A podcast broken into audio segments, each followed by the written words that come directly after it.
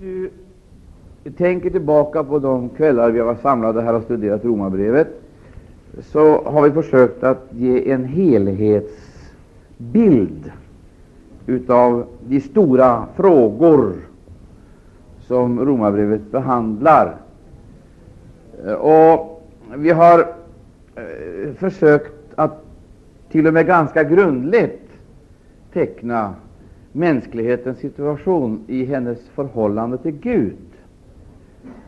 Vi har talat om det första kapitlet i Romarbrevet, det första kapitlet alltså som på ett alldeles speciellt sätt åskådliggör hedningens situation. Hedning, hedningens situation. Och när, när vi talar om hedning så är det ett ganska vanskligt uttryck för våra öron. Vi är inte vana vid att höra sådana ord som hedning. Vem är hedning? Vem är hedning? Va? Jaha, det är alltså ni. Jaha. Det här handlar alltså om, här handlar det om ett tillstånd, ett konstant tillstånd som ingenting i det yttre kan förändra. Ett religiöst, ett andligt tillstånd. Och Skall vi syssla med orsakssammanhangen så fick vi mycket att göra ikväll. Vi tar inte tid till det, utan konstaterar bara helt kort att hedning är alla utom judarna. Nu läser vi första Korinthierbrevet att det tydligen existerar endast tre kategorier Tre kategorier i frälsningshistorien. Tre kategorier. I Första Korinthierbrevet 10 där sägs det så här i, några av de sista verserna, i 32 versen.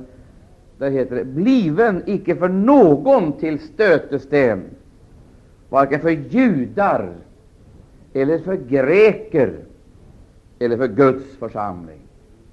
Där kommer det in ett nytt element jag säger ett nytt folkelement. För det första var det alltså judar, och för det andra var det greker.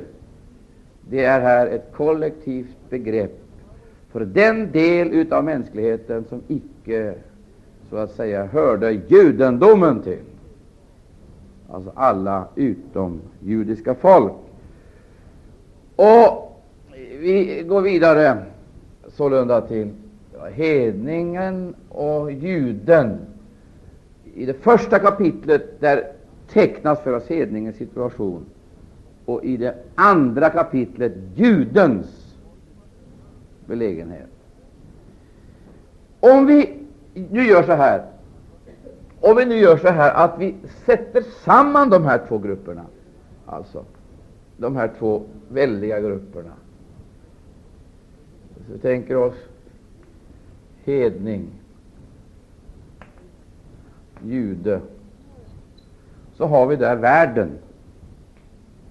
Där har vi världen. Alltså, en förenkling. Och det är hedningens situation som beskrivs i det första kapitlet, det är judens situation som beskrivs i det andra kapitlet, och vi upptäcker till vår förvåning och förskräckelse att det strängt taget ifrån början till slut rör sig om synd. Synd, synd och åter synd. Det är ett faktum. Det rör sig hela tiden om synd, om avfall, om ogudaktighet. Vi har talat om ogudaktigheten manifesterad på två sätt. Ogudaktighet manifesterad i det vi kallar laglöshet eller orättfärdighet, eller ogudaktighet manifesterad i egenrättfärdighet, självrättfärdighet eller moralism. Men vi upptäckte att olikheten är skenbar. Det finns trots allt icke någon avgörande skillnad mellan juden och greken. Därför att de har något gemensamt, någonting gemensamt som placerar dem på exakt samma platå eller nivå inför Gud. Och när alltsammans adderas ihop om båda, alltså om både juden och greken, så sägs det helt sammanfattningsvis klart och tydligt, klart och tydligt sägs det klart och tydligt att Ja, det sägs alla har syndat. Alla har syndat och är i avsaknad av härligheten från Gud. Och därför så måste vi ska komma ihåg det här begreppet det måste utvidgas väsentligt. Och det här begreppet det måste avgränsas. Alltså, det, det måste ges ett helt nytt innehåll. Ett helt nytt innehåll. Därför att eh, eftersom det handlar om vårt gudsförhållande, så förstår vi det om vi läser i Romarbrevet 2. Det måste ges ett helt nytt innehåll. Och det räcker inte så att säga bara med en ny dimension. Det måste någonting helt nytt, totalt nytt, till. Och i det andra kapitlet här, där talas det om jude i invärtes motto, invärtes motto, och jude i utvärtes motto. Varför är då eh, boken, den här boken och aposteln så angelägen om att betona just det här med invärtes och utvärtes jude? Varför är han så angelägen om att betona det?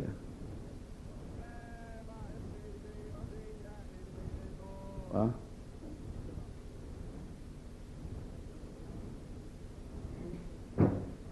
Varför är jag så angelägen att betona det?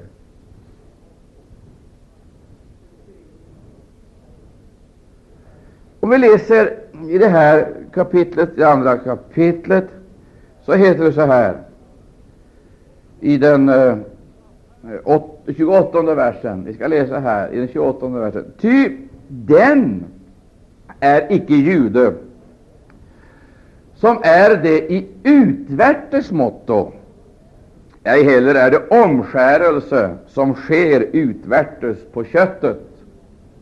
Nej, den är jude som är det i invärtes motto, och omskärelse är hjärtats omskärelse, en som sker i anden och icke i kraft av bokstaven. Och det här är väldigt viktigt. Jag vill att ni ska stryka under det redan nu. Det handlar om en omskärelse en omskärelse. Och vad är omskärelsen uttryck för? Va? Ja, vad är omskärelsen ett uttryck för? Va? Va? Omskärelsens Vad skulle vi kalla omskärelsen för? Va? Omskärelsens förbund. Det är väl uttryck för ett förbund, en, eh, en instiftelse, det är ett förbund. Och just i det här, den, den här stora hemligheten Juden hade så att säga en privilegierad ställning på grund av ett förbund som var upprättat med vilken? Var upprättat med Ja, vem var det? Ja, vem var det Gud hade upprättat förbundet med? Abraham. Alltså Abraham, det var det här förbundet som skilde så att säga juden ifrån hedningen. Och detta bar han såsom ett bevis. Alltså, det hade han ett insegel på, ett tecken, att han var jude. Och han stod alltså i en särställning, eller var privilegierad. Ja. Men nu vänder aposteln på det här och gör klart för sina eh, för brevets mottagare att eh, det finns en annan omskärelse som icke sker på köttet. Det sker icke på köttet, säger han. Eh, en som sker i anden och icke i kraft av bokstaven. Och det är just dit jag vill komma ikväll. Det heter en som sker i anden och icke i kraft av bokstaven. Och han har sin berömmelse icke från människor utan från Gud. Eh, det, det ligger alltså till så här att judarna hade det det yttre attributet eller det yttre vittnesbördet om Guds fruktan och Guds gemenskap, men saknade i verkligheten det inneboende livet. Och när Gud så att säga dömer och bedömer, så är slutresultatet alltså detsamma. Vi går till det tredje kapitlet. Där sägs det klart och tydligt, som en gemensam sammanfattning för båda. Det heter så är och skrivet. Och Jag vill att vi ska följa det här, för att nu ska vi försöka komma till en sak som det är egentligen kolossalt svårt att gripa tag i. Väldigt svårt, och jag ska gå väldigt lugnt fram för att vi ska kunna tillgodogöra oss det. Det säger så här: Ingen rättfärdig finnes, icke en enda. Ingen förståndig finnes, ingen finnes som söker Gud. Det är slutresultatet. Och i den 23 versen alla har ju syndat och är i avsaknad eller i saknad av härligheten från Gud, och det bliva rättfärdiggjorda utan förskyllan av hans nåd genom förlossningen i Kristus Jesus, honom som Gud har ställt fram såsom ett försoningsmedel genom tro i hans blod. Alltså honom som Gud har ställt fram såsom ett försoningsmedel genom tro i hans blod, så ville Gud då han i sin skonsamhet hade haft fördrag med de synder som förut hade blivit begångna, nu visa att han dock var rättfärdig. Och jag, jag, ska göra någonting här som jag aldrig har gjort för. Jag ska försöka att framställa det här på ett så åskådligt sätt så att vi allesammans kan tillgodogöra oss det. Men jag är beroende av förbön, för att det är endast genom den heliga Ande som ordet kan bli gripbart för oss. Alltså, vi ska kunna säga alla har syndat. Och därvidlag finns det inget undantag. Det finns inget undantag.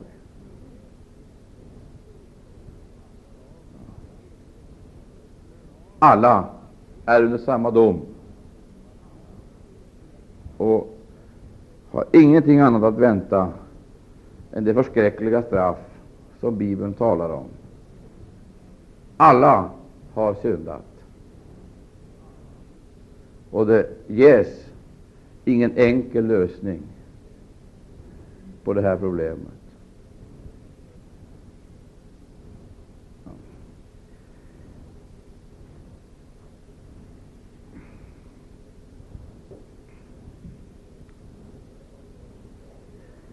Jag, jag, jag, ska göra någonting här. Jag, jag skriver alla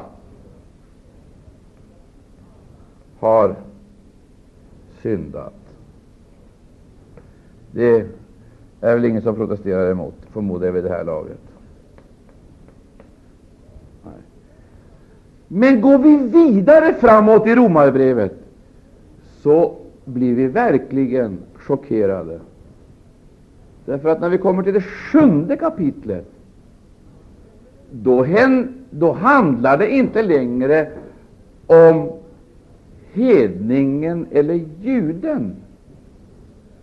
Hedningen eller juden, utan där ställs det framför oss ett personligt eh, eh, här, där ställs det framför oss ett, eh, ett personligt förhållande som åskådliggöres så att säga i, i, i, i apostelns vittnesbörd.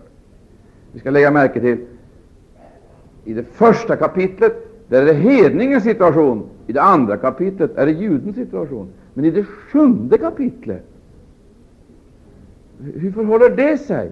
Vilken situation är det som tecknas i det sjunde kapitlet?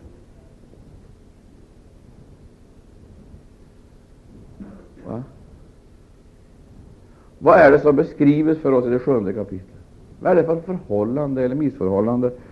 Vad är det för ting som där möter. Vi ska, vi ska bara läsa några få versar i det sjunde kapitlet, och så ska vi se hur en människa, en människa som strängt taget genom en sällsam erfarenhet har ryckts ut ur det här sammanhanget, ryckts ut ur det här sammanhanget och kommit in i ett helt nytt sammanhang Här kan vi säga alla har syndat, kan vi skriva där. Men här kan ni skriva de blir rättfärdiggjorda utan förskyllan. Och så står det vidare. Va? De blev rättfärdiggjorda ja, utan förskyllan av hans nåd genom, genom förlossningen i, i Kristus Jesus. De bliva rättfärdiggjorda och så vidare. Vi lägger märke till att här möter vi ogudaktigheten, eh, alltså framställd precis så verklig som den är i, i, i mänskligheten. Och så helt plötsligt så kommer vi till ett nytt område, ett nytt fält, där det inte längre handlar om hedning, jude eller hedning, utan där det uppenbarligen handlar om en kristen människas ställning. Och denna människa, denna människa avlägger sitt personliga vittnesbörd med de här orden. Så här vittnar den här mannen. Eh, han säger så här i eh, det femtonde versen, sjunde kapitlet. Ty jag kan icke fatta att jag handlar så som jag gör.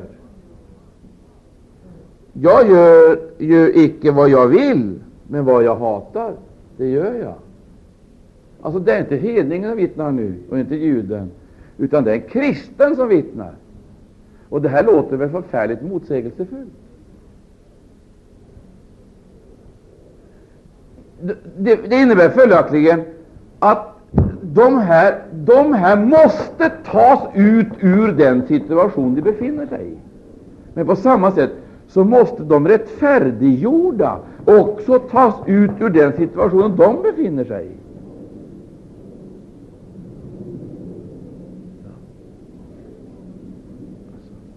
Här talas det om förlossningen genom Jesu Kristi blod. Lägg märke till. Förlossningen genom Jesu Kristi blod.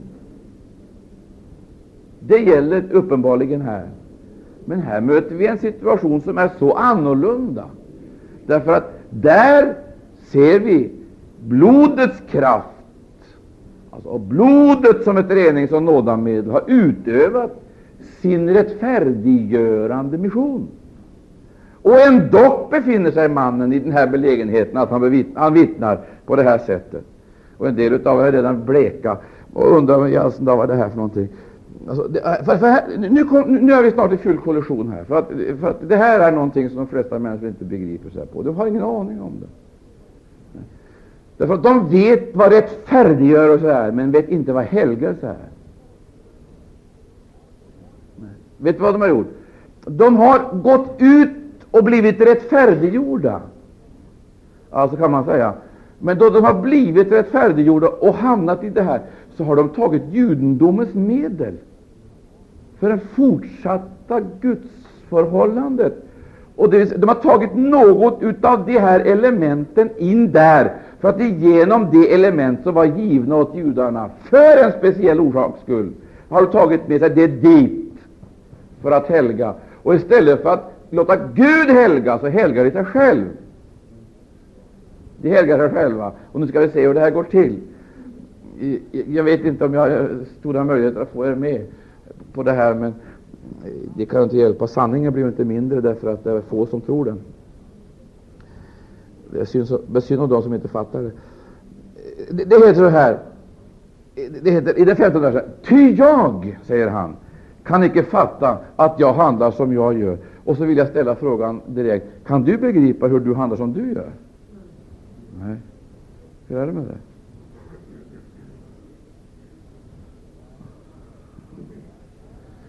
Då är det frågan, är det här ett övergångs är det här en övergångssituation som beskrivs för oss, på samma sätt som vi här möter en övergångssituation genom blodet?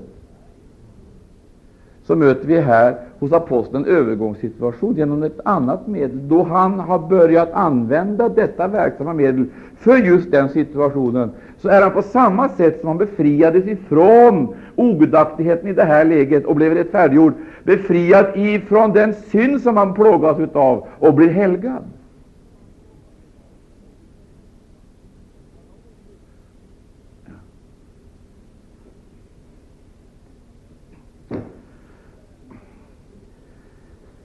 Mina vänner, nu ska vi göra en liten förändring här. Jag har sett i Lidköping och, och, och i uh, Örebro. Jag har tecknat två fyrkanter på tavlan här. Inom den ena har jag skrivit jude, hedning, och den andra står fortfarande tom, men där skulle det egentligen stå en kristen, eller hell, ännu hellre Paulus, för det är upphängt på Paulus personliga vittnesbörd. Och eftersom det är en apostel som vittnar, så tvingas vi att lyssna. Det är ingen nyfrälst som kommer med det här vittnesbördet. Då hade det varit mycket lättare att förstå det. Men nu är det en apostel som säger jag. Ja. Alltså, eh, och jag har skrivit under den ena fyrkanten och jag har skrivit alla har syndat. Alla har syndat. Det är ingen som diskuterar med mig.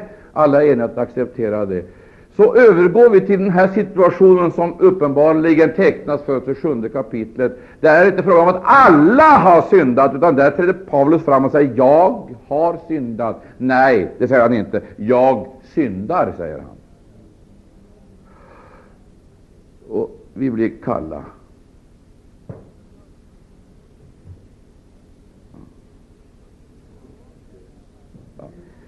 Vad är det det här handlar om? vad är det här handlar om? Ja, om vi, om, om vi skriver det här igen, vi skriver en gång till jude, hedning, hedning, så är det här, samman, så är det här sammanfattande begrepp för hela mänsklighetens situation. Och hela, hela mänsklighetens situation. Och det inkluderas i det här totala den gamla människan.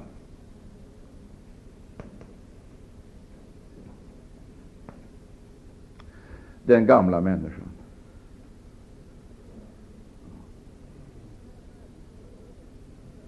Men eh, nu har det hänt någonting med den här gamla människan. Övergått från döden till livet, och satt tillbaka till Gud och genom blodets kraft blivit rättfärdiggjord. Och så har vederbörande gått igenom en grav, han blev begraven där en gräns alltså, som markeras klart och tydligt av vattnet. Man gick genom havet. Man gick genom havet. Och jag, jag, kan icke se ett enda ställe i Skriften där det står tal om dopet, att det talar att det någon gång utelämnar döden. Det är alltid frågan om död. På Noas tid, när floden kom, så heter det ju allenast åtta blev frälsta, och de blev frälsta genom vatten. Men lägg märke åtta blev frälsta genom vatten. Men hur gick det med de andra? Det vatten så att säga som var Noa till frälsning blev de andra till undergång. Va? Det är ingen som förnekar det. Eh, vattnet som, Egypt, som, eh, som egyptierna gick under i, det var ju det vattnet så att säga som öppnades för att Israels folk skulle gå igenom. Eller hur? och Israels folk gick igenom vattnet. Och de kom över på andra sidan, men det är ett faktum att egyptierna gick under. Inte kan vi komma bort ifrån det. Alltså, det är frågan om hela tiden dom till död. Alltså, vattnet vittnar om dom till död, eller dom till frälsning. Det handlar båda fallen så handlar det om frälsning, död eller frälsning. Ja. Men sen så har man kommit igenom det här, första, andra, tredje, fjärde kapitlet, upptäckt alltså de medel genom vilka vi kan komma i kontakt med Gud. Så kommer den nya situationen när som den beskrivs i det sjätte kapitlet, den här döden, havet, skilsmässan och så vidare. Och så helt plötsligt så befinner vi oss i det sjunde kapitlet. Och då vill jag ställa en fråga till oss allesammans här. Vad handlar det sjunde kapitlet om? Va? Ja, det är en kristen en kristen, det är en apostel som vittnar. Nu är frågan den Är det den gamla människan?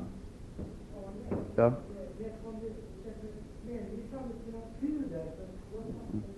Nej, ett litet ögonblick här. Det är just det vi inte ska göra. Ett litet ögonblick. Här står den gamla människan. Det gäller det här stadiet.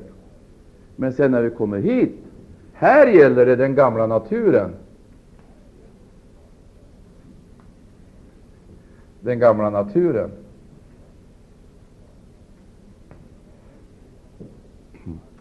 Och här har vi de väsentliga skillnaderna. Det är frågan om den gamla människan och den gamla naturen. Vad är det som går under i, i, i vattnet? Är det naturen eller den gamla människan? Va? Det är den gamla människan. Följaktligen så finns alltså den gamla naturen, den finns kvar. Den är närvarande.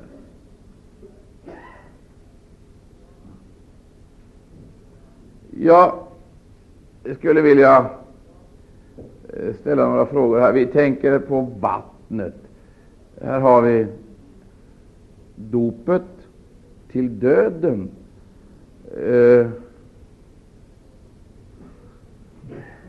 jag vill att vi ska tänka efter här i några, eh, några sekunder. Vad är det för skillnad? Jude, hedning, den gamla människan. Här har vi den kristne aposteln och så den gamla naturen. Vad är det för skillnad på den gamla naturen, eller den gamla människan och den gamla naturen?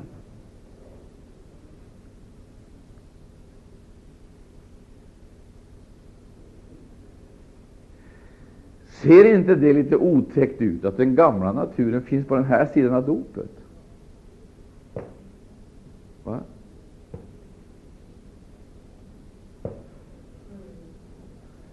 Nu vill jag fråga er, hur många är det som är döda, så att säga, genom, från den gamla människan?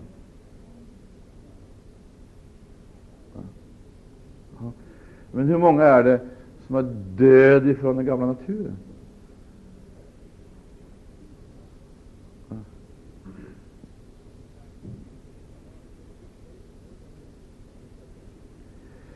Ja, jag ska inte fördjupa mig ytterligare i det här, för jag vill gärna komma lite vidare.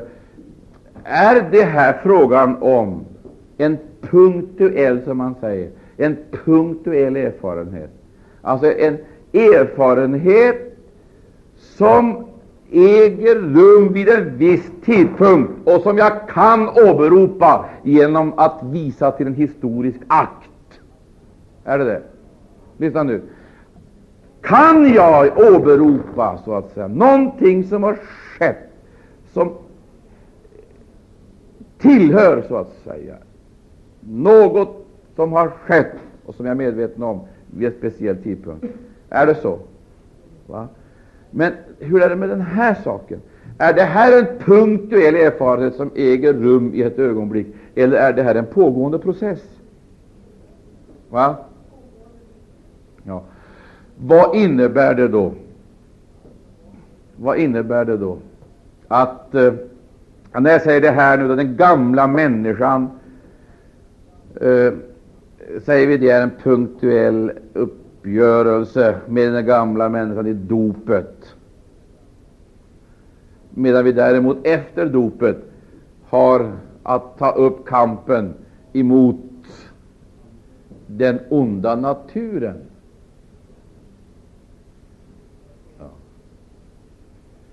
Då är frågan den.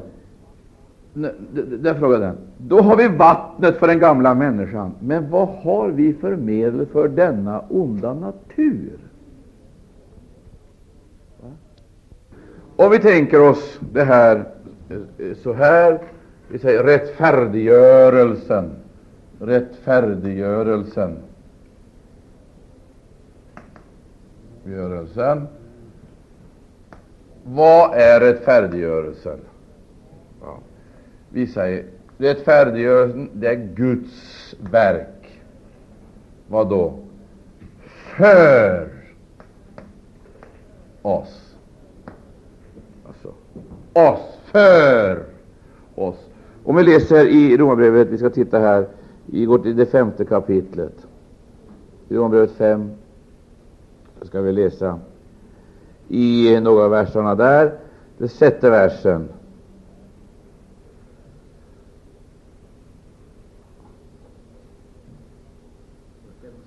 Ja, fem och sjätte versen. Medan vi ännu var svaga, vet Kristus, när tiden var inne, döden för oss ogudaktiga.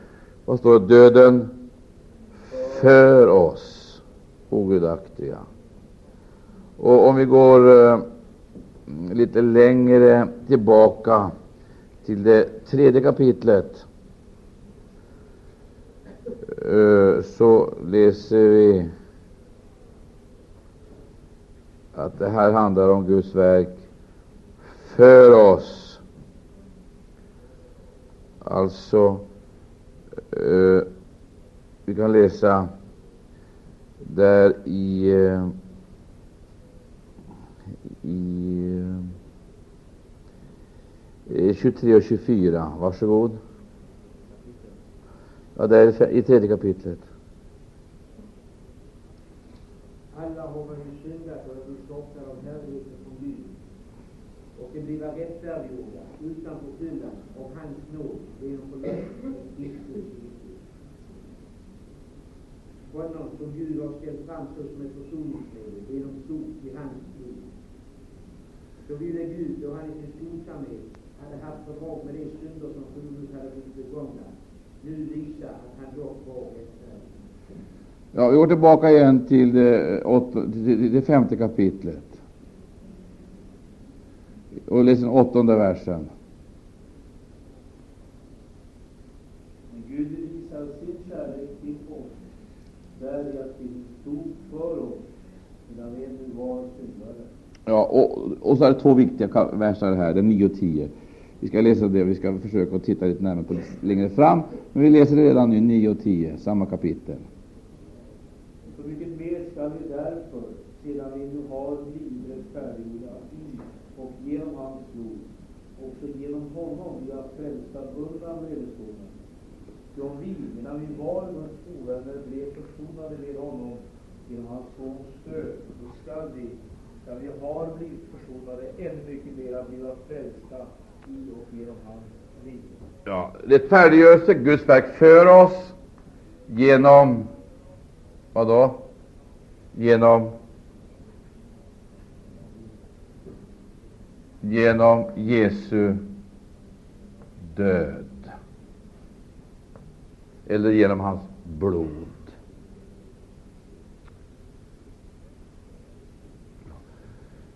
Men det här är andens verk, det är rättfärdighet, det är Guds verk för oss genom Jesu Kristi död. Va? Så kommer vi till det här stora problemet. Det är helgelsen. Det är inte Guds verk för oss, utan det är Guds verk i oss. Men observera att det här handlar om rättfärdiggörelse, och detta är ju juridiska termer. Det är juridiska termer det handlar om. Rättfärdiggjord, att göras rättsligt färdig, eller färdig på ett rättsligt sätt. Det, är ju, det är ju juridiska termer det handlar om, och det, då förstår vi ju att det här måste gälla en domstolsakt. Alltså, och det måste handla om en dom som leder fram till frikä- frikännelse. Vi måste bli frikända, men vi måste bli frikända på rättslig grund. Ja. Och, och, då det gäller helgelsen så handlar det också om Guds verk, men inte Guds verk för oss, utan Guds verk i oss. Men här lika mycket som där, eller där, alltså i det första fallet, vi har skrivit upp som de är färdiggörelsen, rättfärdiggörelsen, och A. Guds verk för oss, B. Genom Jesu död, genom hans blod, och som nummer två, helgelsen, Guds verk i oss. I båda fallen så handlar det om lagen, naturligtvis. Det är lagens krav som skall uppfyllas på, på båda punkterna. Nu, nu, är vi redo att acceptera Guds verk här, men det är just när vi kommer dit problemet inställer sig. Och då ska vi gå till Romarbrevet 8. Vi skyndar oss dit eh, bara för att helt kort ta reda på vad som sker. Eh, I 8.4, där heter det eh, 8.4, varsågod.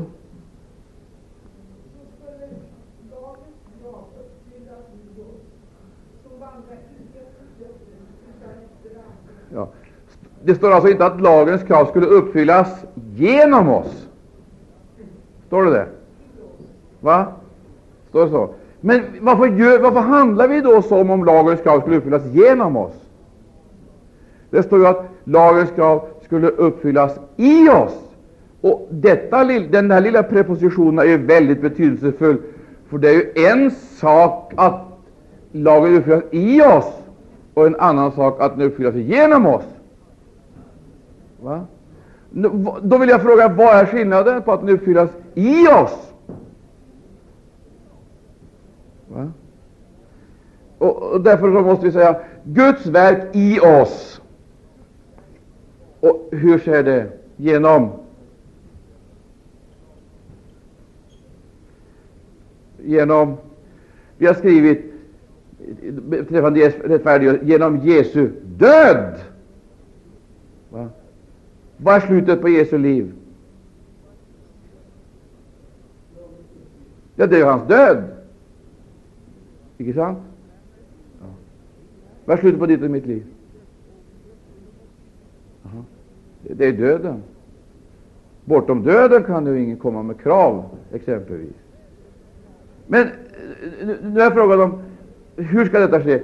Rättfärdiggörelsen, det är Guds verk för oss genom Jesu död. Vi blir rättfärdiggjorda utan förskyllan genom hans genom nåd i förlo, genom förlossningen, förlossningen i hans blod. Men, men, men där frågar de, hur blir vi då helgade? Lagens sak uppfyllas i oss. Vad är det som sker? Genom Jesu va? Genom Jesu liv. Och då finns det anledning att ställa den här frågan. Det, det här är väldigt viktigt. Alltså, det här är väldigt viktigt. Hur blir vi då helgade? Va? Ja, det har jag hört i så länge jag levt. Det är ingen som har talat om för mig vad det är för någonting. Kan jag få ett besked om vad det handlar om? Vad är detta för någonting? Det är ju här problemet sitter. Ja, det har vi sagt, ja. Att rättfärdiggörelsen, det är Guds verk för oss genom hans död. Hans död. Då måste det ju vara så, hör här, då måste det ju vara så, då måste det vara så att jag kommer underfund med vissa principer. Jag måste helt enkelt komma underfund med vissa principer. Jag kallar dem livsprinciper.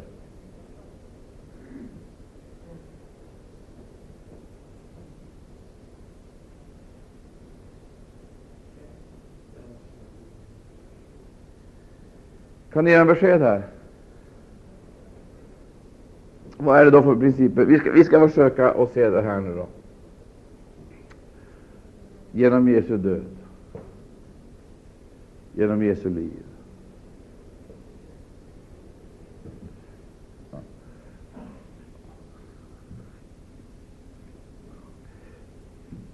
Ja, ja, gode Gud i himlen. Jesus, han har en tron i himlen. Har han inte det? Tror ni det? På Faderns högra sida. Där har han en tron. Hur många tror det? Har han det? Vad ser ni så rädda ut för då? Alltså, han har en tron i himmelen. Där brukar vi säga, där beder han för oss. Va? Gör han det? Är det säkert det? Är det hundraprocentigt säkert? Hör, hör Gud hans böner? Blir vi förlåtna genom våra böner eller genom hans? Va? Det är genom hans böner. Så vi kan aldrig bedja oss till förlåtelse. alltså. Det kan vi aldrig. Vad kan vi då göra? Vi kan endast mottaga förlåtelse. Aldrig bedja oss till det. Vi kan bara motta den. Och då vi mottar, att motta i det här fallet, det är bara att åkalla, det är att ropa Jesus. Så inkluderat är det med oss, att vi kan inte bedja oss till förlåtelse, för vi vet inte ens hur vi ska bedja om förlåtelse. Men vi kan ropa, vi kan säga Jesus, och i namnet Jesus finns allt, så att säga, syndaren behöver för sin frälsning. Så när syndaren säger Jesus, då i det ögonblicket så händer det någonting med den människan. Mycket väsentligt för övrigt. Och vad är, som, vad är det som händer? Vad är det som händer?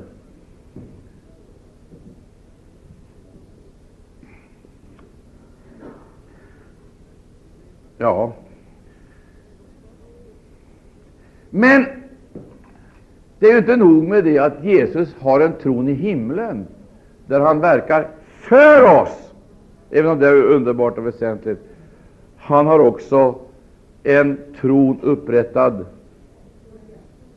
i oss. I oss.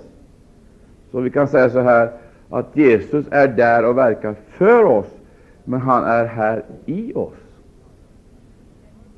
och verkar i oss.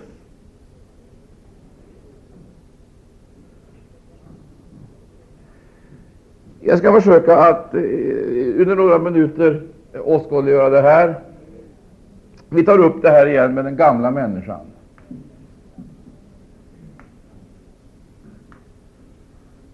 Den gamla människan.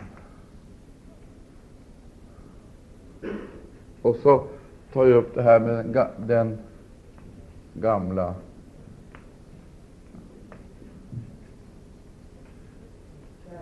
naturen. Ja. Ja. Då är frågan den, hur är det med den gamla människan? Den gamla människan, allt, allt vad vi är, allt vad vi är, innan vi mött Jesus.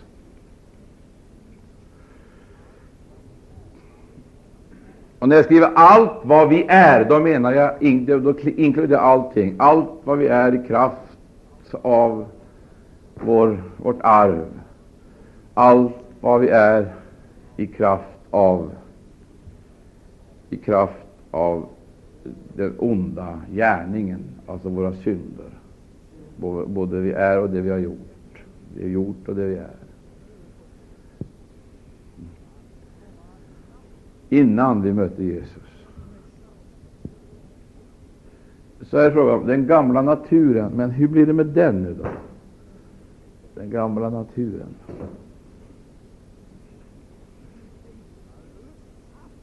Mm. Där råder inget tvivel. Det är säkerligen så. Men hur blir det med denna natur? Alltså, sen den gamla människan har blivit begraven, hur blir det då med den natur alltså som finns där som en närvarande verklighet? Jag tror faktiskt att eh, vi ska läsa några verser i, i Romarbrevet 7 innan vi går tillbaka igen till Romarbrevets de första delarna. Är det för arbetsamt det här? Orkar ni inte med det här? Två stycken i alla fall. Du känner igen det här, David?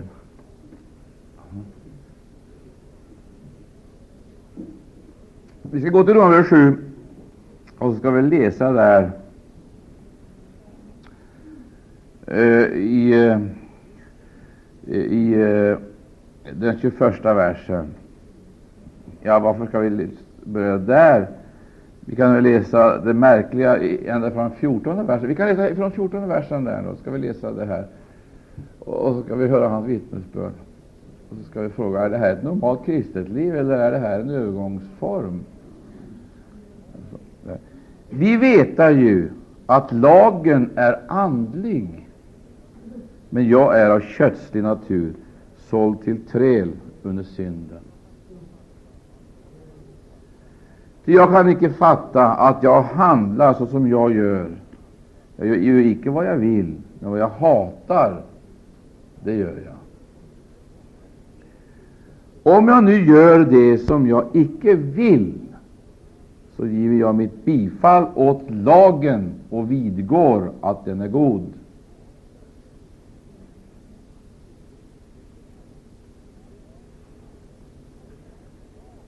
så är det nu icke med jag som gör sådant, utan synden som bor i mig.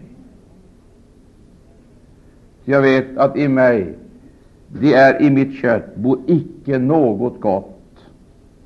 Viljan är väl hos mig, men att göra det goda förmår jag icke. Ja, det goda som jag vill gör jag icke, men det onda som jag icke vill, det gör jag. Om jag alltså gör vad jag icke vill, så är det icke med jag som gör det, utan synden som bor i mig. Så finner jag nu hos mig, som har viljan att göra det goda, den lagen att det onda fastmer är till stede hos mig. Ty efter min invärtes människa har jag min lust i Guds lag, men i mina lemmar ser jag en annan lag, en som ligger i strid med den lag som är i min håg, en som gör mig till fånge under syndens lag som är i mina lemmar.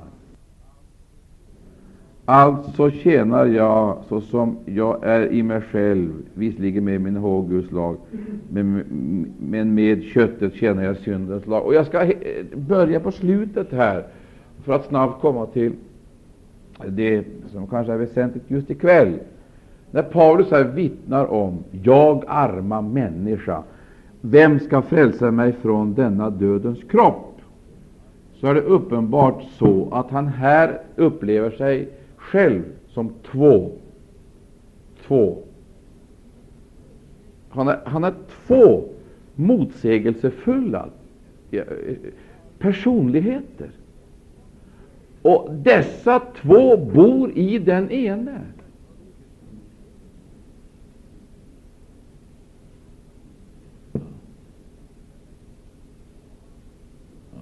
Dessa två. Och han, Eh, han jämställer sig med ja, han, han jämställer sig faktiskt med eh, eh, med brottslingen. Alltså med brottslingen som har begått den mest nesliga av handlingar och därmed på grund utav sitt brott blivit dömd till döden. Hör här, blivit dömd till döden. Och denne brottsling, när han hade så att säga blivit dömd till döden för ett mord, och det var bevisat att denne hade begått denna gärning, då band man den mördade kroppen. Band man den vid mördaren. Det vill säga, man band den döde ihop med den levande. Straffet alltså bestod i det att man band ihop den döde med den levande och surrade ihop dem. Och så fick då den eh, fick mördaren släpa på liket till dess att han själv gick under.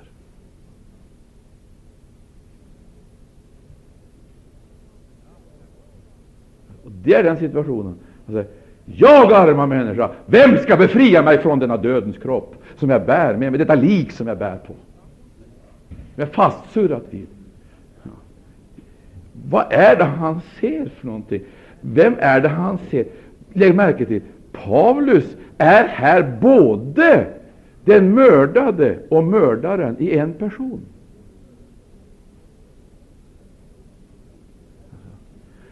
Och Det här är ingen figurativ beskrivning alltså utav så att säga ett tänkt förhållande, utan det är alldeles för verkligt. Han är fastsurrad vid ett lik. Så upplever han sig.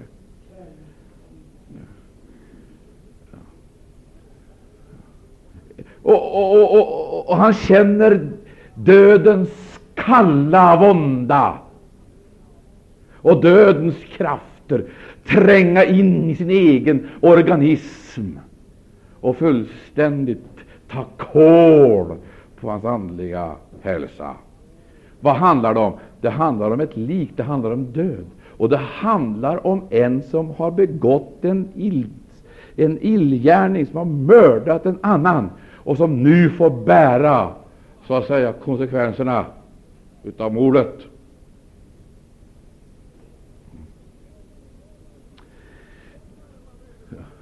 Jag arma människa, vem ska befria mig från denna? Vilka, från denna? Och då måste vi ta reda på vad kan detta vara, Paulus? Vad är det för lik, vad är det för lik du drar på, som gör tillvaron så othärdlig för dig? Han drar på ett lik. Det är syndens, kallar han det. Jag, arma människa, vem skall befria mig från denna syndens och dödens kropp.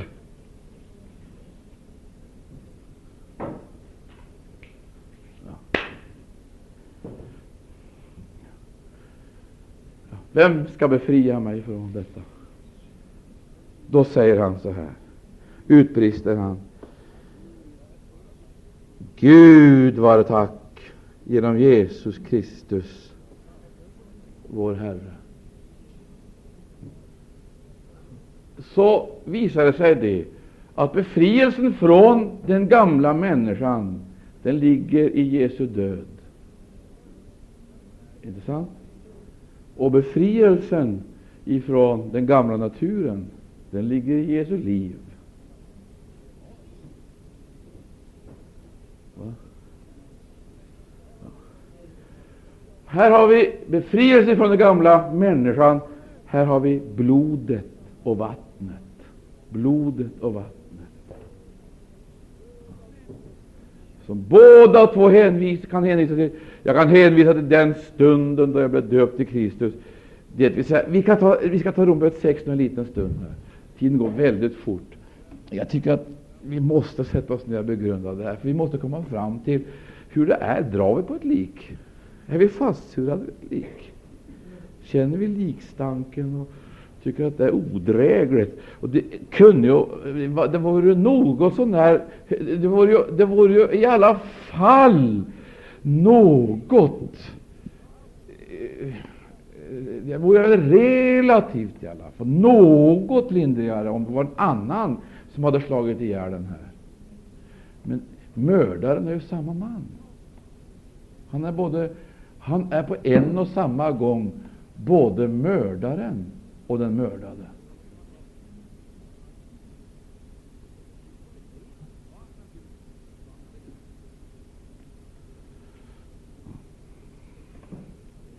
Det är rätt illa ställt. då. Komplicerad situation. Vi, vi, ska se lite på det här i, i, i Romarbrevet 6. I Romarbrevet 6. Jag tror faktiskt vi ska ta tid och läsa lite i det sjätte kapitlet från första versen. Vad skulle vi säga? Skulle vi förbliva i synden för att nåden ska bliva så mycket större. Bort det. Vi som har dött från synden, hur skulle vi ännu kunna leva i den?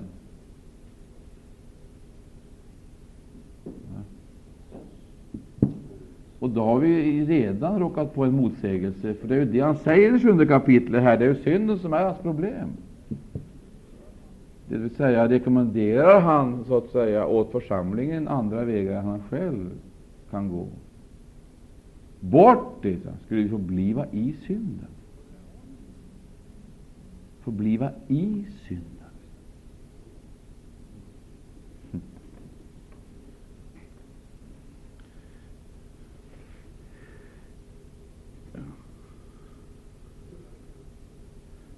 Det är märkligt uttrycket skulle vi få bliva, få bliva i synden.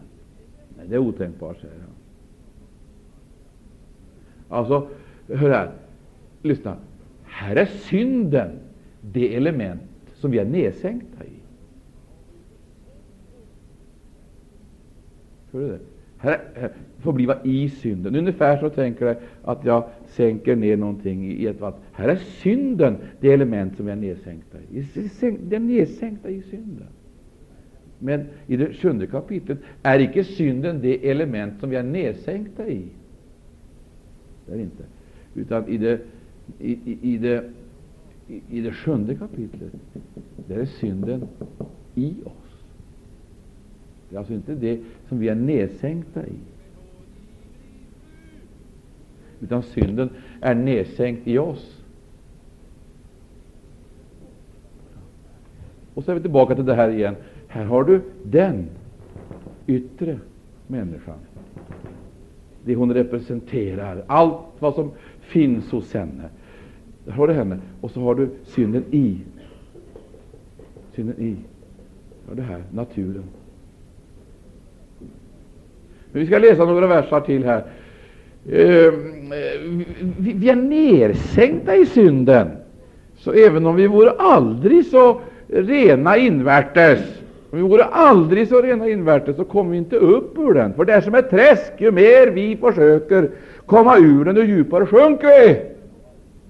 Hela världen är som ett träsk, ett fruktansvärt träsk, ett jättelikt träsk och vi sjunker, vi sugs ner om vi försöker. Vi, vi kommer upp på en nivå där vi, vi, måste ur det här eländet, ur den här förbannelsen, ur det här eländet. Och så börjar vi kampen, vi börjar kampen och vi börjar trampa och sjunker allt djupare. Till dess att en kraft kommer och lyfter oss upp.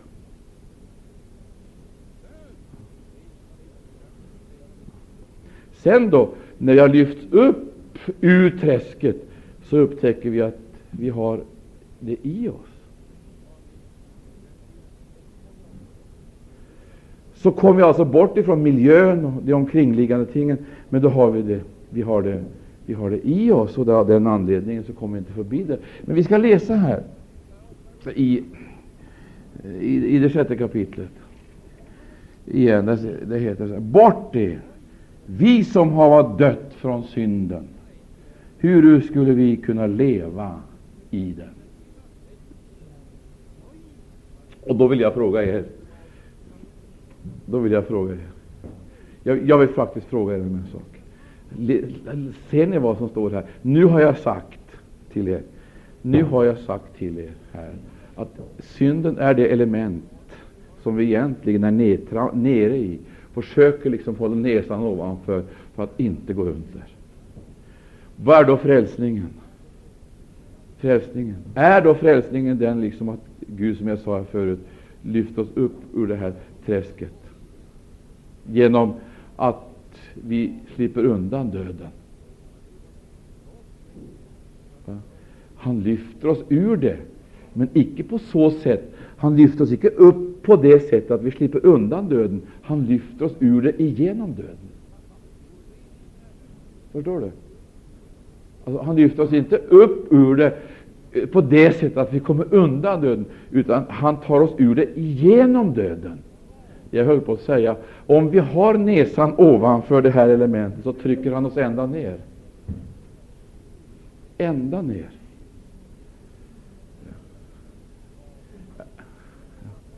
Ja. Han trycker oss ända ner, och detta kommer han med när han åskådliggör i nästa sammanhang. Han låter oss gå ända ner i begravningen, i vattnet, där vi blir begravna.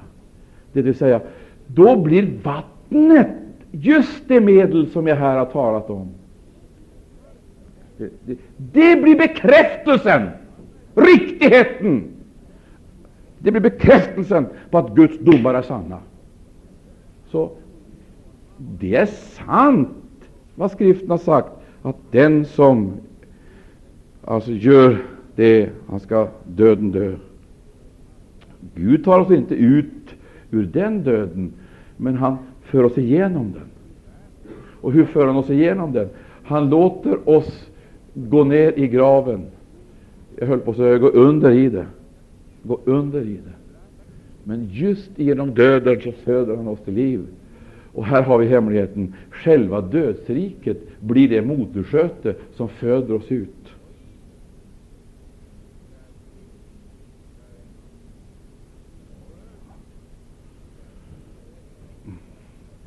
Vi läser några verser till här för att eh, det framgår ganska klart.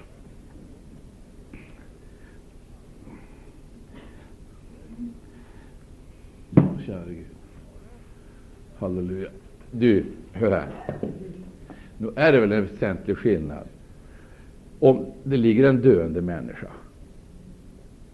Så kommer läkaren så sätter han in alla de medel, antibiotika, alla de medel som man kan för att rädda patienten. Han vill rädda patienten. Han har, patienten har, patienten har cancer, patienten har TBC, patienten har andra allvarliga eller obotliga sjukdomar. Men han sätter in allt han kan för att rädda människan. Han sätter in all den, alla de resurser hans sjukhus förfogar över för att patienten ska bli frisk. Gud går motsatta vägen. Han påskyndar döden. Förstår du det här? Han sätter inte in, så att säga, eh, sina åtgärder för att befria sig från döden. Han påskyndar den.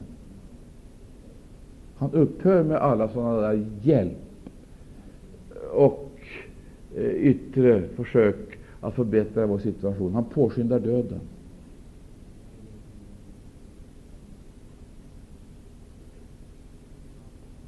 Han påskyndar processen fram till döden.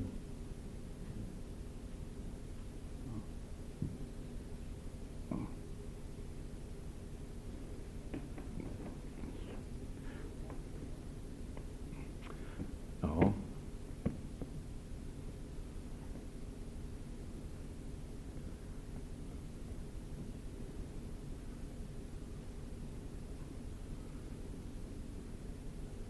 Jag vet inte vi läser Efesierbrevet Om vi läser Efesierbrevet så står det i det andra kapitlet, Efesierbrevet 2. Det står så här.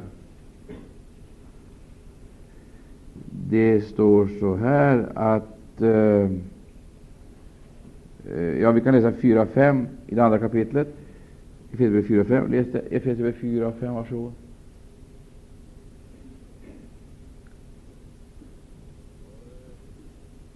Men Gud som är rik på barmhärtighet har, för den stora kärleks skull, varmed han har älskat oss, gjort oss levande med Kristus, oss som vore döda genom våra synder.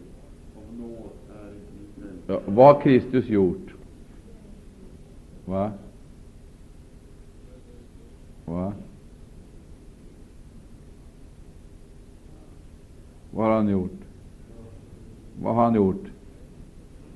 Varför har han gjort oss levande då?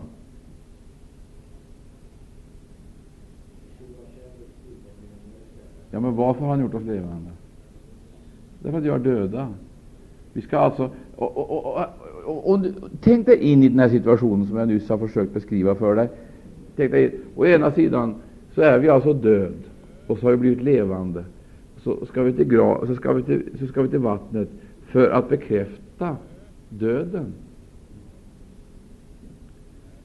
Alltså, men hur, hur, hur, hur, hänger det här ihop då? Hur hänger detta ihop? Vi är döda i synder och överträdelser. Och så ska vi till dopet då, så ska vi bekräfta genom begravning någonting som redan har ägt rum. Vore det inte då lika bra att döpa hela världen eftersom alla är döda i synder och överträdelser? Döp alla, och sedan är de kristna. Alla är ju döda i alla fall, kan man inte då lika gärna eh, döpa dem så att de får bekräftelse på det också? Va? Ja.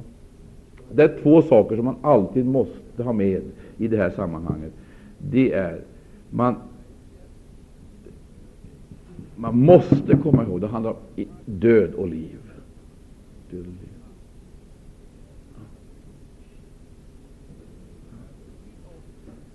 Så i själva dopakten här, så är det två, det är två rakt emot varandra verkande krafter som samtidigt är närvarande.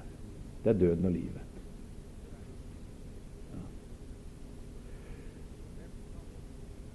Ja. Följaktligen så måste den andra delen i själva dopsakten klart och tydligt klart och tydligt poängteras och manifesteras. Vad är det för någonting? Att, att begrava en död är naturligt. Men det är inte bara frågan om att begrava en död. Det är också frågan om att uppstå till liv. Va? Är det inte det? Va? Det är två. Begravning och uppståndelse begravning uppstod. Även om vi kan begrava hela världen i vattnet, så var det bara åtta som var inne i frälsningsarken som blev frälsta till liv. Även om egyptierna gick under i, i, i, i vattnet, så gick israeliterna igenom vattnet.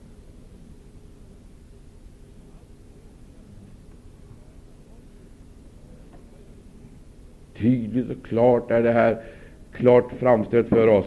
Det är två motverkande krafter som är mäktigt närvarande i dopet. Det är döden, närvaro av döden. Det är, jag höll på att säga att den begravningsakten är mer verklig än den som äger rum på kyrkogården där vi sjunger våra psalmer om den döde.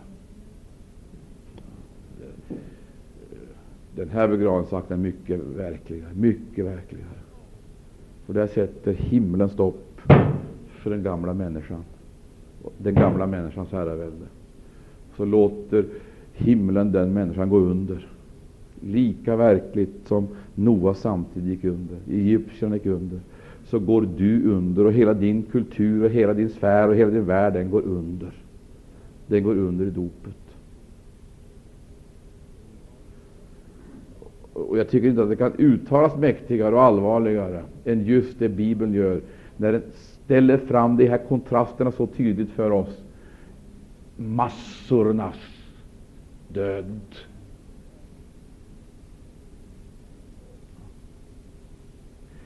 Och de fås uppståndelse. Men vi går vidare här i Romarbrevet 6, för, för, för, för, att det här ska åskådliggöras för oss ytterligare. Så, så, så, så, ställ, så ställer det frågan Vete ni då icke att vi alla som har blivit döpta till Kristus, vi har blivit döpta till hans död. Ja, och då vill jag fråga er, jag vill verkligen fråga, hans död. Det är otroligt viktigt att vi poängterar det. Vi har blivit döpta till hans död. Och varför är det så viktigt att vi är döpta till hans död? Varför är det så viktigt? Ja, varför är det så viktigt att vi blir döpta till hans död? Ja, det är i och för sig riktigt också. Varför? Därför att det, det, det är någonting som slutar med Jesus. Det är någonting som upphör med Jesus. Det är någonting som aldrig kommer igen med Jesus. Det är någonting all, som aldrig kan göra anspråk eller krav på oss, om vi håller före att vi är döda med honom. Va? Ja, Vad är det för aktiviteter som vi blir befriade ifrån? Vad är det för aktiviteter? Vi måste läsa första Korinthierbrevet 15. Första Korinthierbrevet 15. Vad är det för aktiviteter som vi blir befriade ifrån då vi blir döpta till Kristus? Första Korinthierbrevet 15. Där heter det så här. Eh, vi läser ifrån den 45 versen. Så är och skrivet den första människan Adam blev en levande varelse med själ. Där ser du hans utrustning och hans omfattning. Den siste Adam åter blev en levandegörande ande. Säg amen till det då. Det är det väl värt ändå. Alltså den siste Adam blev en levandegörande ande. Vad är det som sker då Jesus dör på korset? Vad är det som sker när Jesus dör på korset? Va? Den första Adam dör, det vill säga allt vad den första Adam representerar. Allting vad han representerar inkluderas i Jesus. Det står ju klart och tydligt det. Det står ju det klart och tydligt i skriften. Att han, ja det står faktiskt så. Om vi går till Romarbrevet igen, vi håller, vi håller uppe, eh, vi håller uppe första Korinthierbrevet 15, eh, så står det ju i, i, i Romarbrevet 5, 5, eh, och vi kan läsa den tolfte versen. Romarbrevet 5 och 12, där heter det. Därför är det så, genom en enda människa, genom en enda människa synden kommit in i världen, och genom synden döden. Och så har döden kommit över alla människor, eftersom de alla har syndat. Vad är det som har kommit in genom den ene? Det är synden och döden. Observera, det, det är två stormakter det handlar om. Och det här är inte små, det, det här är inte små problem eller eh, eh, små eh, defekter, så att säga, eh, små missöden eller en slags plump i protokollet. Det är någonting långt allvarligare. Det är någonting som är fullständigt förändrat genom att två stormakter har kommit in och ockuperat människan. Observera, ockuperat henne, tagit henne i, totalt i sin besittning. Det har ni väl läst? Vi läser Första Mosebok om livets krafter i det första kapitlet och andra kapitlet. Tredje kapitlet så kommer eh, synden in i, eh, i världen, och i det tredje kapitlet eller fjärde kapitlet, där handlar det praktiskt taget från början till slut om en enda sak. Vad då handlar det om? Det handlar om släkter som kommer och går. Det, det, det handlar om död, död, död, död. Död, död, död, död. Död, död, död, död. Den ena släkten, så att säga, efter den andra plockas bort av döden, som har blivit verksam. Verksam! Det handlar om ett konungsligt välde. Vem utav er kan sätta upp något eh, vapen emot döden? När döden kommer så frågar den inte om du vill, godhetsfullt vill följa med. Döden, den skördar sitt byte. Och döden, den är både den biologiska och andliga döden. Det är människans fiende. Det är människans fiende. Döden är människans fiende. Det spelar ingen roll. Vi brukar säga att döden kommer som befriare. Jag vet inte var man har fått det ifrån. Jag tror inte på döden som den befriare, men jag tror som, på Jesus Kristus som en befriare från döden. Ja. Döden kom som en befriare, så säger man det, att man blir befriad från smärta och så att säga, ifrån det lidandet. Och det må vara hänt att man kan bli befriad ifrån den fysiska smärtan, men det finns en smärta som är långt, långt allvarligare och som det inte finns någon medicin för. Och det är skilsmässan ifrån Gud. Det är detta som är det allvarliga. Och döden är vår fiende ända till slutet. Men Skriften säger att också döden skall bli honom underlagd. Fullständigt underlagd. Ära vare Herrens underbara namn. Och det sker i det ögonblick då vi får uppståndelsekropparna. Men jag, jag, står det inte sist av allt blir också döden honom underlagd. Men det, det, är, det är väldigt viktigt för oss att, att, att, vi får tag i det här. Vi skulle läsa, vad var det vi sa? Vi skulle läsa i, eh, i, i Romarbrevet 5. Där ska vi läsa ifrån tolfte versen alltså. Därför är det så. Genom en enda människa har synden kommit in i världen, och genom synden döden. Och så har döden kommit över alla människor, eftersom de alla har syndat.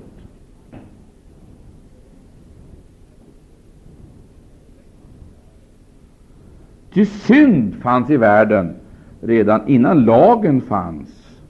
Men synd tillräknas ingen, icke där, eh, lagen, där ingen lag finnes. Och dock har under tiden från Adam till Moses döden haft väldet också över dem som icke hade syndat genom en överträdelse i likhet med vad Adam gjorde. Och så kommer det han som är en förebild till den som skulle komma.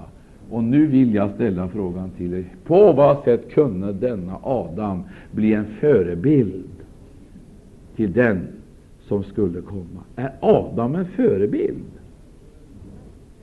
Va? Är han en prototyp? En modell? En förebild till den som skulle komma? Kan det vara möjligt? På vad sätt är han en förebild? Va? Ja. Ja. Hur kunde han vara en förebild? Denna Adam kommer och gott ifrån honom egentligen. Han öppnade dammluckorna för det elände som sen flöt fram som en ödesflod över hela mänskligheten. Synden och döden.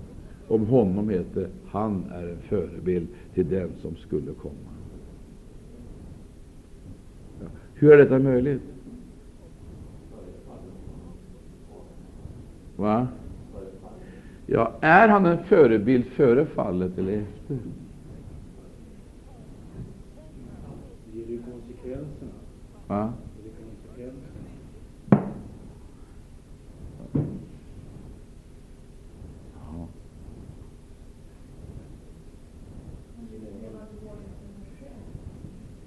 Det ligger någonting i det du säger där. Alltså, Jaha. Det, det, handlar om Det handlar faktiskt om två typer. För det står inte att Jesus är lika Adam, står det inte. Men det står att Adam är en förebild till Jesus. Och vad väntar man sig av en förebild? Kan ni svara mig på Eh, kan ni svara mig på den här frågan? Finns det någon förebild till himlen given åt jorden? Finns det någon förebild? Va? Tabernaklet, är tabernaklet himlen? Vad är det då? En förebild. Vad innebär att det är en förebild?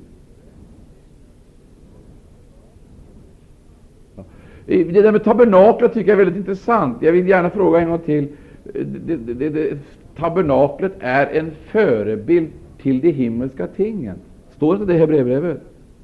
Vi kan nu läsa här i Hebreerbrevet just om det där att, att tabernaklet är en förebild till de himmelska tingen. Eh, det står i det tionde kapitlet här för mig, eller kanske det är ett annat kapitel. Vad är nionde kapitlet kanske det här?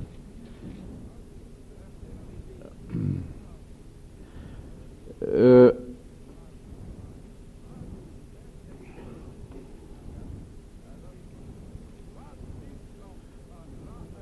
vad det står någonstans? I åttonde versen.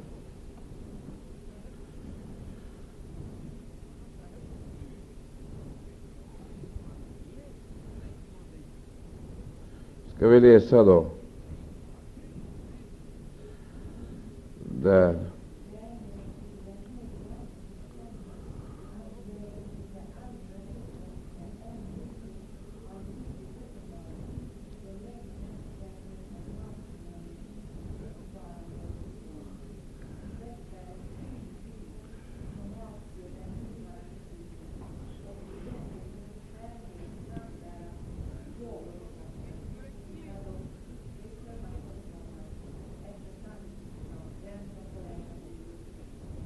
Jaha. Nu vill jag fråga er om en sak. Det, det står om förebild av sinnebild. Nu är tabernaklet alltså, det är en förebild på de himmelska tingen. Det, det, det är förebildligt framställt alltså, att eh, det finns en himmel, och det som finns i himlen har vi alltså fått liksom åskådliggjort i tabernaklet. Men nu står det om, eh, ge, om Adam att han var en förebild till Jesus. Och nu vill jag fråga er, på vad sätt är han en förebild? Står det någonstans i skriften att Adam skulle få himlen till arvedel?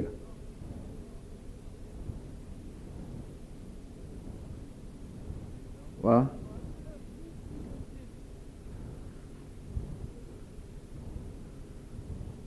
Gör det det? Vet- Står det någonstans i skriften att Adam skulle få himlen till arvedel? Va?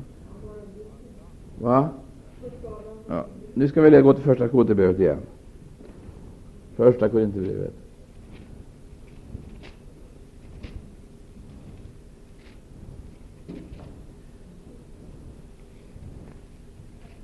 Första Korinthierbrevet 15 ska vi läsa.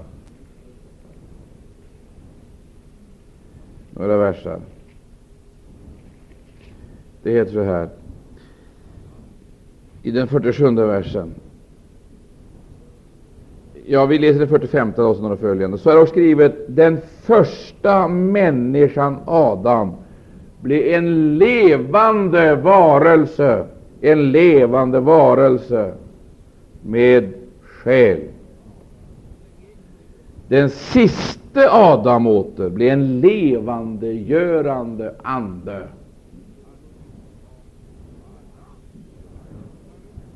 Men icke det andliga är det första, utan det själiska. Sedan kommer det andliga. Vi måste skriva här, och eh, även om vi får stryka ut lite här. Alltså, vi, vi måste skriva här, vi, måste skriva själisk. Själisk, jordisk.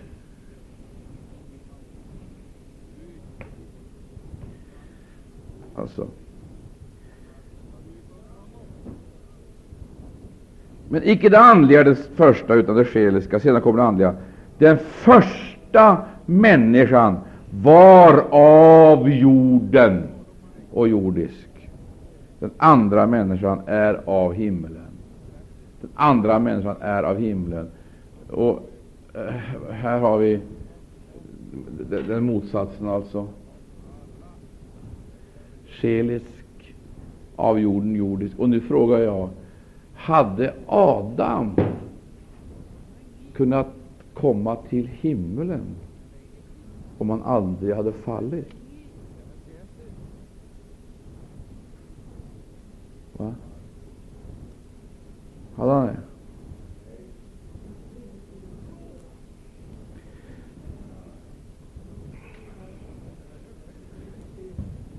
Va? Ja. Innan fallet, vi säger Adam, Adam, i- Adam i Edens lustgård, hade Adam kunnat nå himlen? Va? Hade han? Aldrig. Hade aldrig kunnat nå himlen. Adam. Och varför hade han inte kunnat nå himlen? Var av jorden och jordisk. Där har du, lyssna på mig, jag måste säga det här igen. Här har du arten och bestämmelsen. Vad är det som, vad är det som avgör målet? Va? Ursprunget. Ursprunget. Han var av jorden, jordisk, hade aldrig kommit till himlen.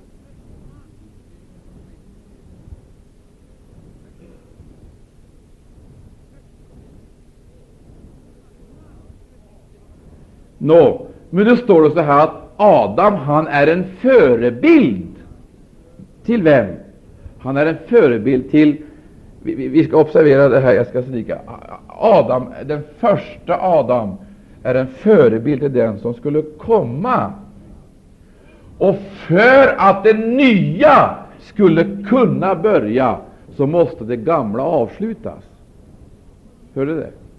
Det gamla, alltså den första Adams herravälde, hörde du vad jag sa? Den första Adams herravälde måste avslutas, måste förlora sin kraft genom att besegras. Den första Adams välde måste besegras. Och Jesus, eller Gud, satte ett slut, ett punkt. Vad var det slutet för den sist för den första Adam, herravälde? Det var hans död. Lägger du märke till? Här är inte Jesus en förebild, utan här är han den sista Adam. Men han skulle få utom det att han avslutar, så att säga den första Adams era, så skulle han dessutom vara en, eh, han skulle vara motbilden till förebilden. I vilket avseende? För det första, vad skulle ni vilja skriva som det första här? Den sista Adam är han, den nya människan. Här är han alltså stamfader. Han står såsom stamfader för ett nytt släkte. Och hur kunde han bli en stamfader åt detta nya släkte? Vad måste han bli för någonting? Vad måste han? Det räckte icke med att han var av jorden och jordisk. Då hade han aldrig kunnat frälsa oss. Han måste vara av himmelen och himmelsk. Han måste ha förut-tillvaro hos Fadern. Han måste vara av evighet. Halleluja! Från evighet till evighet. Är Jesus av evighet till evighet, så säg Amen! Det är himlens stora mysterium, härlighet. Han var av evighet till evighet. Alltså, och för att han skulle kunna så att säga bli stamfader, alltså såsom en levande, görande ande, skulle han bli stamfader, vad då åt ett nytt släkte. Då avslutar han så att säga den första Adams bana på korset. Så står han upp ifrån döden, och så säger Skriften att när vi blir döpta, så följer vi Jesus ner i graven. Som den sista Adam. Och när vi står upp igen, då står vi inte upp igen som den andra Adam som man brukar höra, utan då står man upp igen som den andra människan. Vad har då skett? Ja, vi, har fått stått, vi har stått upp igen. Han är stamfader åt ett nytt släkte. Stamfader åt ett himmelskt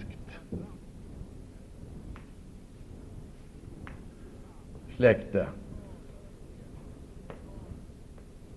Och då är frågan, hur blir det då med jorden? När Jesus är stamfader åt ett himmelskt släkte, hur blir det då med jorden? Jo, mina vänner, Gud var evigt lov. Det är inte jorden som ska invadera himmelen, utan det är himlen som ska invadera jorden. Vad ska ske först? Först så ska det nya släktet, halleluja, ryckas upp i luften, Herre till mötes. Och så skall det för e-, evigt sammanvigas med Jesus Kristus, och sen så ska de frälsta skarorna återvända till jorden. Ära vare Gud och Lammet. Och riket, fridsriket, ska upprättas. Men det är icke slutet, utan vi vet också att efter detta rike, tusenårsrike, så kommer det stora upproret. Detta oerhörda uppror, då Satan frigivs för en kort period och går ut för att uppvigla människorna till det sista ödesdigra eh, till det sista ödesdigra slaget. Men efter det så ska jorden slutligen rensas. Ära vare Gud. Tror du det? Och skriften säger att vi ska få se nya himlar och nya ord där rättfärdighet bor. Halleluja, där rättfärdighet bor. Pris Gud. Men eh, vi ska inte, eh, vi är inte där ännu. Vi ska avslutningsvis läsa några versar till här som pekar på den här sidan. Vi ska fortsätta nästa tisdag. Vi ska gå och ta lite mer detaljer då. Om vi läser i den eh, i, i första Korinthierbrevet 15 ytterligare några versar, så får vi veta vad det här innebär för oss. Därför att eh, det, hurdan kropp fick Adam? Hurdan kropp fick Adam? Ja, en jordisk, som passade för jorden. Men vi behöver en kropp som passar för himlen. Och därför tror vi också på kroppens uppståndelse. Ära vare Gud och Lammet. Pris Gud. Och vi läser i 49 versen. Det heter eh, i 48 versen, så som, sådan som den jordiska var, sådan är och det jordiska, och som den himmelska är, sådan är och det himmelska. Och så som vi har burit den jordiskas gestalt, så skola vi uppbära den himmelska gestalt. Mina bröder, vad jag nu vill säga detta, att kött och blod icke kunna få Guds rike till arvedel. O du gamla människa, du står utanför. Du tillhör jorden. Jag höll på att säga, du tillhör köttets och blodets sfär. Det finns ett nytt liv som pulserar i det heligas inre. Det är icke kött och blod, utan det är ande och liv. Ja. Här har du cirkulationen i Gudslivet. Förstår du? Det, det anden. Anden gör levande. Anden gör levande. Anden gör levande. Därför att Jesus Kristus är en levandegörande ande. Eh, mina bröder, vad jag nu vill säga är detta, att kött och blod icke kunna få Guds rike till arvedel, ej heller får förgängligheten, oförgängligheten till arvedel. Se, jag säger er en hemlighet, vi skulle icke alla avsomna, men alla skulle vi bli förvandlade, och det i ett nu, i ett ögonblick, vid den sista basunens ljud. Ty basunen ska ljuda, och de döda skulle uppstå till oförgänglighet, och då skulle vi bliva förvandlade. Men säg Amen. Det är ju fantastiskt. Det, det, det handlar ju om vår framtid. Vi ska uppstå till oförgänglighet. Uh, Eh, till detta förgängliga måste ikläda sig oförgänglighet, och detta dödliga måste ikläda sig odödlighet. Men när detta förgängliga har iklätt sig oförgänglighet, och detta dödliga iklätt sig odödlighet, så skall det ord, uppfyll, det, ord fullbordas som står skrivet: Döden är uppslukad och seger är vunnen. Halleluja. Förstå, det, förstå den här bilden, min älskade vän. Det står i skriften att det var det stora vidundret som slukade Jona. Men också det stora vidundret fick kasta Jona upp på stranden. Men här är det inte vidundret som slukar Jona. Här är det Jona som slukar vidundret. Förstår du? Det är precis exakt den bilden. Rollerna är fullständigt omkastade. Vi är ju dödens trälar. Men så helt plötsligt så kastas hela situationen om och vi blir dödens besegrare. Halleluja. Tror du på det här? Halleluja. Ett liv jag nu äger som aldrig kan dö och Kristus, det.